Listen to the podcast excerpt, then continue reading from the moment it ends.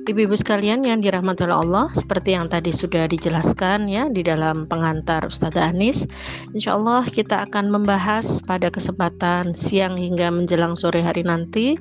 adalah berkaitan dengan eh, hal-hal uh, ya seputar penyakit COVID-19 kemudian gejala-gejalanya, vaksin dan juga berbagai macam isu tentang konspirasi dan juga uh, berbagai macam hal-hal lainnya ya berkaitan dengan COVID tersebut ya. Mudah-mudahan kita bisa meluangkan waktu dan kemudian menyimak